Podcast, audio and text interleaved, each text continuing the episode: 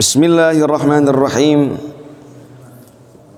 السلام عليكم ورحمة الله وبركاته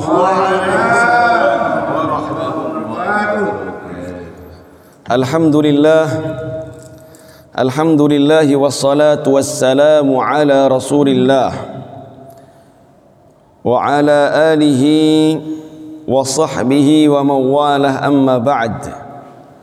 رب اشرح لي صدري ويسر لي امري واحلل عقدة من لساني يفقهوا قولي يا فتاح افتح لنا يا عليم علمنا حاضرين جماعة صلاة subuh مسجد جنة النعيم yang semoga semuanya dimuliakan oleh Allah Subhanahu wa taala. Kita semua dirahmati, diampuni. Amin dimudahkan segala urusannya, diluaskan rizkinya. Yang sakit Allah sembuhkan, yang punya hutang Allah lunasi hutangnya, yang punya masalah, yang punya musibah Allah berikan kekuatan. Dan Allah yang punya hajat punya keinginan cita-cita Allah kabulkan. Amin ya rabbal alamin. Jemaah sekalian dimulakan oleh Allah subhanahu wa ta'ala Rasulullah sallallahu alaihi wasallam bersabda Inna bainar rajuli wasyirki wal kufri tarkas salah. Sesungguhnya perbedaan atau jarak antara seorang mukmin dengan kemusyrikan dan dengan kekafiran adalah meninggalkan salat. Sesungguhnya perbedaan atau jarak antara orang beriman dengan orang dengan kemusyrikan dengan kekufuran adalah meninggalkan salat hadis riwayat sahih muslim salat adalah ibadah yang utama dan yang inti. Setelah tertancapnya akidah la ilaha illallah muhammadur rasulullah sallallahu alaihi wasallam. Sehingga salat ini memiliki keistimewaan yang sangat luar biasa. Ketika Allah Subhanahu wa taala ingin memerintahkan atau menurunkan kewajiban zakat Allah menurunkan ayat khudh min amwalihim shadaqatan tutahhiruhum wa tuzakkihim. Wahai Muhammad ambil dari sebagian harta mereka harta orang-orang beriman tutahhiruhum wa tuzakkihim yang akan mensucikan dan membersihkan mereka. Maka zakat jadi wajib Ketika Allah Subhanahu wa taala ingin memerintahkan puasa, Allah turunkan ayat ya ayyuhalladzina amanu kutiba alaikumusiyam. Maka bulan puasa, bulan Ramadan puasa menjadi wajib. Ketika Allah Subhanahu wa taala ingin menurunkan kewajiban haji, Allah tinggal berfirman, "Walillahi 'alan nasi hajjul baiti man istata'a ilaihi sabila." Maka sejak saat itu haji menjadi wajib bagi yang mampu. Tapi ketika salat ingin diturunkan kewajibannya, tidak cukup ayat diturunkan. Tetapi Allah utus malaikat terbaiknya menjemput Nabi Muhammad sallallahu alaihi wasallam dengan kendaraan yang terbaik untuk menghadap Allah Subhanahu wa taala untuk menerima perintah solat. Kalau kita analogikan ada pimpinan tertinggi, bos besar ingin memberikan tugas kepada direksi atau kepada manajer atau kepada bawahannya tidak cukup pakai memo atau tidak cukup pakai telepon tetapi kata bosnya kamu tetap di rumah. Nanti saya akan kirim supir kemudian dikirim supir dijemput dengan kendaraan mewah. Diantar sampai ke kantor bertatap muka secara langsung. Ini menunjukkan bahwasanya tugas yang akan diberikan ini bukan tugas biasa. Tugas istimewa. Maka salat ini hakikatnya kata para ulama as-salatu mi'rajul mu'min salat ini adalah mi'rajnya mukmin apa itu mi'raj kita tahu Isra Mi'raj Isra artinya perjalanan malam kalau Mi'raj artinya naik karena Rasulullah sallallahu alaihi wasallam setelah perjalanan malam dari Masjidil Haram ke Masjidil Aqsa kemudian naik ke mana? Tembus langit pertama, langit ketujuh sampai dengan Sidratul Muntaha. Fakana qaba qausaini au adna. Dalam surat An-Najm disebut seperti itu. Ketika itu Rasulullah sallallahu alaihi wasallam sudah sangat dekat bahkan sedekat hanya seperti jarak qausaini, hanya dua busur saja jaraknya. Kalau kita ukur busur itu paling panjang satu meter setengah atau dua meter. Ya, kalau itu hitungan fisik, hanya tinggal 4 meter saja kira-kira. Qaba kausaini au adna bahkan lebih dekat daripada itu. Rasulullah sallallahu alaihi wasallam menghadap Allah Subhanahu wa taala mendapatkan perintah salat. Maka kalaulah Rasulullah sallallahu alaihi wasallam sebagai makhluk terbaik, sebagai nabi dan rasul terbaik, mi'rajnya langsung ke Sidratul Muntaha.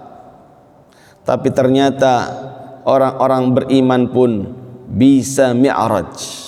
Dengan apa? Mi'rajnya yaitu dengan salat. Ketika kita takbir Allahu Akbar, kemudian kita membaca surat atau membaca doa iftitah.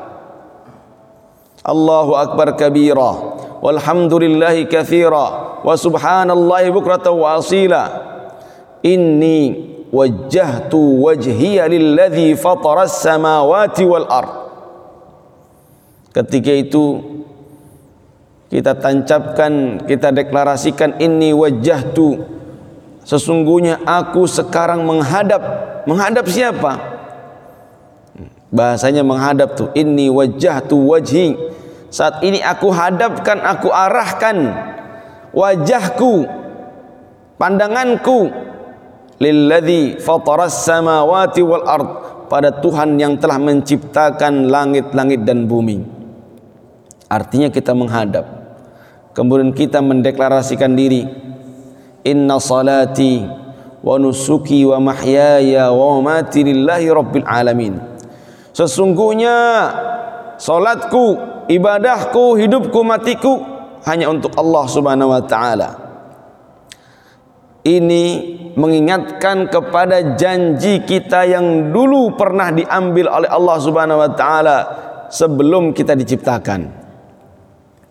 Sebelum kita diciptakan, bahkan sebelum Nabi Adam diciptakan, bahkan sebelum alam semesta diciptakan, kita pernah bersaksi di hadapan Allah Subhanahu wa taala di zaman azali. Dalam surat Al-A'raf ayat 172 wa idh akhadha rabbuka min bani adam min zuhurihim dhurriyyatahum anfusihim alastu bi rabbikum qalu bala wa shahidna kata Allah Subhanahu wa taala dalam surat Al-A'raf 172 ingatlah wahai manusia id akhadha rabbuka ketika saat di mana Tuhanmu ketika itu mengambil min bani Adam dari keturunan Adam dari tulang sumsum mereka dari tulang sulbi mereka diambil ruhnya dari tulang sulbi Nabi Adam. Seluruh keturunan Nabi Adam ruhnya dihadirkan. Wa ashhadahum ala anfusihim. Kemudian Allah Subhanahu wa taala mengambil kesaksian dari mereka. Kata Allah Subhanahu wa taala alastu bi rabbikum. Bukankah aku Tuhan kalian? Bukankah aku yang menciptakan kalian bukankah aku yang harus kalian sembah? Ketika itu roh-roh kita menjawab dengan serempak qalu bala wa syahidna. Betul ya Allah kami bersaksi. Kata Allah Subhanahu wa taala antaqulu yaumal qiyamati inna an hadza inna kunna an hadza ghafilin. Jangan sampai nanti kalian hari kiamat mengatakan kalian lupa terhadap persaksian ini. Sekarang kita mikir, kita ingat enggak persaksian itu? Saya juga enggak ingat orang belum lahir, ya. Sekarang tapi ternyata di dalam salat kita diingatkan inna salati wa nusuki wa mahyaya wa. Jadi salat ini sebenarnya adalah penyambung ruhaniyah kita dengan Allah Subhanahu wa taala. Mengapa? Karena manusia itu ruhnya ruh yang ada dalam jiwa kita yang membuat kita hidup ini itu ruhnya langsung dari Allah Subhanahu wa taala. Dalam surat As-Sajdah ayat 9, "Tsumma sawwahu wa nafakha fihi min ruhi." Ketika Allah Subhanahu wa taala sudah menyempurnakan ciptaan manusia, jasadnya, fisiknya sempurna, "Tsumma fanafakha fihi min ruhi." maka kemudian Allah meniupkan dari ruhnya. Dalam ayat lain fa idza sawaituhu wa nafakhtu fihi min ruhi. Apabila sudah aku sempurnakan ciptaan manusia ini dan aku tiupkan ruhku kata Allah ruhku kepada kepada anak Adam kepada manusia maka ruh kita ini sebenarnya nyambung punya ikatan erat dengan Allah Subhanahu wa taala. Karena dalam Al-Qur'an penciptaan manusianya ruhnya disebutkan oleh Allah ruhku. Dan wallahu a'lam maksudnya seperti apa? Yang jelas Allah mengatakan ruh manusia itu ruhku. Diambil daripada ruhku. Maka ketika kita berucap inna salati wa nusuki wa mahyaya wa mati itu mengingatkan roh kita yang pernah bertemu dengan zat Allah Subhanahu wa taala. Maka itu adalah mi'raj. Mi'rajnya orang-orang yang beriman.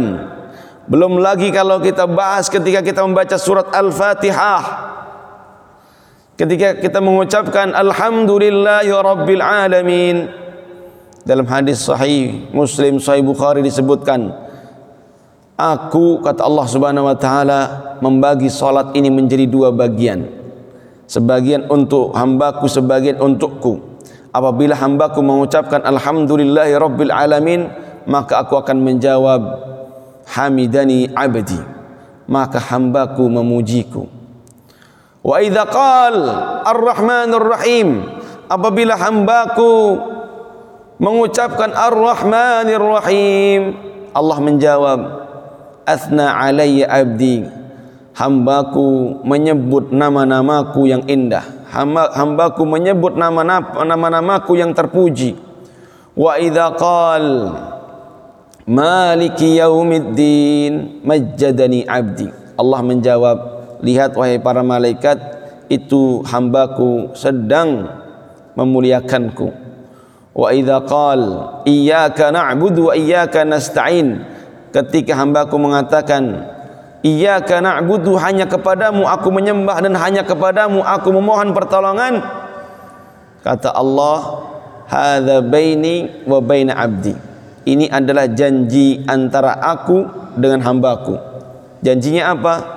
Hamba kamu menyembahku maka apapun yang kamu minta, minta tolong, minta rizki, minta dijauhkan dari neraka, minta dimasukkan ke surga, Kata Allah Subhanahu wa taala, "Wali 'abdi ma sa'al." Maka terserah hambaku minta apa saja aku kasih. Ihdinas siratal mustaqim wali 'abdi ma sa'al. Kata Allah Subhanahu wa taala, hambaku minta apa aku kasih. Maka solat ini benar-benar pertemuan hakikatnya. Mi'raj. Mi'raj itu naik ke atas. Maksudnya adalah yang mi'raj roh kita. Kalau Nabi Muhammad wasallam yang mi'raj itu jasad dengan ruh. Tapi kalau kita umatnya cukup dengan ruhnya saja mi'raj. Mi'raj bertemu dengan Allah Subhanahu wa taala. Maka ketika kita tahiyat apa yang kita ucapkan? At-tahiyatul mubarakatus salawatut tayyibatu lillah. Kalau kita bertemu dengan Pak Haji kita bilang assalamualaikum. Kita ketemu dengan tetangga kita bilang assalamualaikum. Kalau kita ketemu Allah mengucap salamnya bagaimana? Allah kan maha maha damai.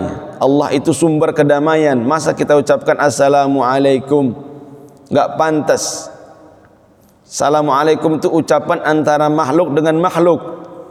Kalau kita ketemu Tuhan bagaimana kita mengucapkan salam?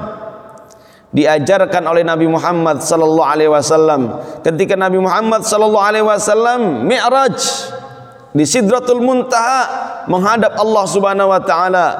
Rasulullah sallallahu alaihi wasallam mengucapkan salam kepada Allah Subhanahu wa taala. At-tahiyyatul mubarakatus salawatut thayyibatu lillah jadi sebenarnya tahiyat itu itu salamnya Rasulullah kepada Allah dulu ketika Isra Mi'raj. At-tahiyatul mubarakatus salawatut tayyibatullah. At-tahiyat artinya salam penghormatan. Penghormatan. At-tahiyat penghormatan yang banyak. Al-mubarakat yang mendatangkan keberkahan-keberkahan At-tayyib as-salawatut tayyibatulillah beserta doa-doa yang baik semuanya milik Allah Subhanahu wa taala. Setelah itu, setelah Nabi Muhammad sallallahu alaihi wasallam mengucapkan salam dibalas. Kalau kita saja wajib membalas salam. Rasulullah sallallahu alaihi wasallam mengucapkan salam dibalas oleh Allah Subhanahu wa taala. Wassalamu alayka ayyuhan nabi wa rahmatullahi wa barakatuh. Ini luar biasa. Kita selama ini salam itu kan sebenarnya mendoakan. Assalamualaikum Pak Haji. Artinya Pak Haji Semoga salam, kedamaian, ketenangan melimpah kepadamu. Sekarang kalau yang salam Allah itu bagaimana? Sementara yang mengijabah doa itu Allah yang menciptakan segalanya, memberikan semuanya Allah. Ini yang mengucap salam Allah. Berarti itu bukan doa. Ya ngapain lagi Allah doa orang Allah yang orang yang Allah yang menciptakan semuanya? Artinya Allah sudah pasti memberikan kita keselamatan, kedamaian. Maka Allah mengucapkan salam kepada Nabi Assalamu alayka ayuhan nabiyyu wa rahmatullahi wa barakatuh. Rahmat dan keberkahan-keberkahan. Nabi Muhammad SAW mendapatkan salam dari Allah terbang hatinya gembira. Bahagia luar biasa. Ini kenikmatan yang sangat besar. Tapi Nabi Muhammad SAW tidak pelit kepada hamba-hamba kepada umatnya. Maka Nabi Muhammad meneruskan ketika itu. Ya Allah, salam ini jangan sampai berhenti pada diriku, tapi harus sampai kepada seluruh umatku orang-orang yang saleh. Maka Nabi Muhammad meneruskan wa ala ibadillahi salihin. Ya Allah, salam ini jangan sampai berhenti pada diriku, tetapi kepada seluruh hamba-hamba Allah yang soleh. Maka kalau kita termasuk hamba-hamba Allah yang soleh, kita dapat salam dari Allah Subhanahu Wa Taala. Maka kenapa rahasianya ketika kita wudhu, setelah wudhu kita berdoa, apa doa setelah wudhu? Asyhadu an la ilaha illallah, asyhadu anna Muhammad Rasulullah. Ah. Setelah itu apa? Allahumma waj Allahumma ij'alna minal waj'alna minal mutatahhirin waj'alna min ibadikas salihin maka setelah kita wudu kita berdoa ya Allah masukkan aku ke dalam golongan orang-orang saleh supaya nanti ketika tahiyat kita mendapatkan salam dari Allah Subhanahu wa taala. Wa ala ibadillahi salihin. Maka salat ini itu rekaman Isra Mi'rajnya Rasulullah sallallahu alaihi wasallam. Salam dialog Rasulullah sallallahu alaihi wasallam dengan Allah Subhanahu wa taala dihadirkan ketika salat. Maka kalau kita mampu menghadirkan nilai Mi'raj ini dalam salat sedikit saja itu sudah sangat luar biasa. Sudah sangat luar biasa. Maka saya sering katakan tidak mungkin kalau kita setiap hari ruh kita bertemu dengan Allah Subhanahu wa taala sehari lima kali maka tidak mungkin kita akan nyolong. Kalau ruh seorang hamba bertemu dengan Allah Subhanahu wa taala dalam satu hari lima kali enggak mungkin dia mencuri. Enggak mungkin dia berzina. Enggak mungkin dia korupsi. Enggak mungkin dia ngomongin orang. Enggak mungkin dia ngomong ngomong-ngomongan jorok. Enggak mungkin malu sama Allah. Karena ruh dia ketemu Allah lima kali sehari. Maka inilah yang disebut oleh Al-Quran inna salata tanha anil fahsyai wal munkar. Kalau solatnya sudah benar-benar terkandung di dalamnya mi'raj ruhnya ketemu Allah subhanahu wa ta'ala maka ketika itu solatnya menjadi tanha anil fahsyai wal munkar solatnya menjadi menahan dia untuk tidak berbuat keji dan mungkar. Maka kalau sekarang kita masih sholat tapi masih sering ngomong jorok, kalau kita sholat masih sering gibain orang, berarti sholatnya tadi belum sampai kepada level mi'raj. Mi'rajul mu'min belum sampai kepada mi'raj. Ruh kita bertemu belum sampai bertemu dengan Allah Subhanahu wa taala. Semoga ada manfaatnya. Semoga Allah berikan kemampuan taufik dan hidayah untuk kita agar kita bisa senantiasa meningkatkan kualitas salat kita. Tidak hanya syarat rukun sahnya saja, tetapi juga ruh kita kita. Allah berikan kemampuan kualitas untuk supaya roh kita bisa bertemu dengannya dalam solat lima waktu kita. Ala hadhihi niyah wa ala kulli niyatin salihah ila hadratin Nabi Mustafa Rasulullah sallallahu alaihi wasallam. Al-Fatihah. أعوذ بالله من الشيطان الرجيم. بسم الله الرحمن الرحيم. الحمد لله رب العالمين الرحمن الرحيم. مالك يوم الدين. إياك نعبد وإياك نستعين. اهدنا الصراط المستقيم. صراط الذين أنعمت عليهم غير المغضوب عليهم ولا الضالين.